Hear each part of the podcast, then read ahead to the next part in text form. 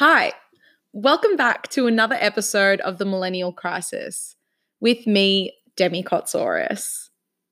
Today's episode, we speak with Stephanie Elal. She is a careers outcome producer. She is a careers coach and outcome producer at General Assembly.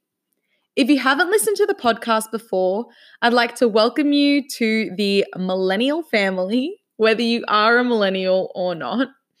Essentially, in this podcast, I share my journey of figuring out what I want to do with my life and interview really interesting people that have advice on how they figured out how to navigate their lives or little steps that they're taking to improve their lives and live the life that they want to live. Essentially, at the end of every episode, I set us a weekly task that is a small step we can take to lead our best lives. But let's get into today's episode.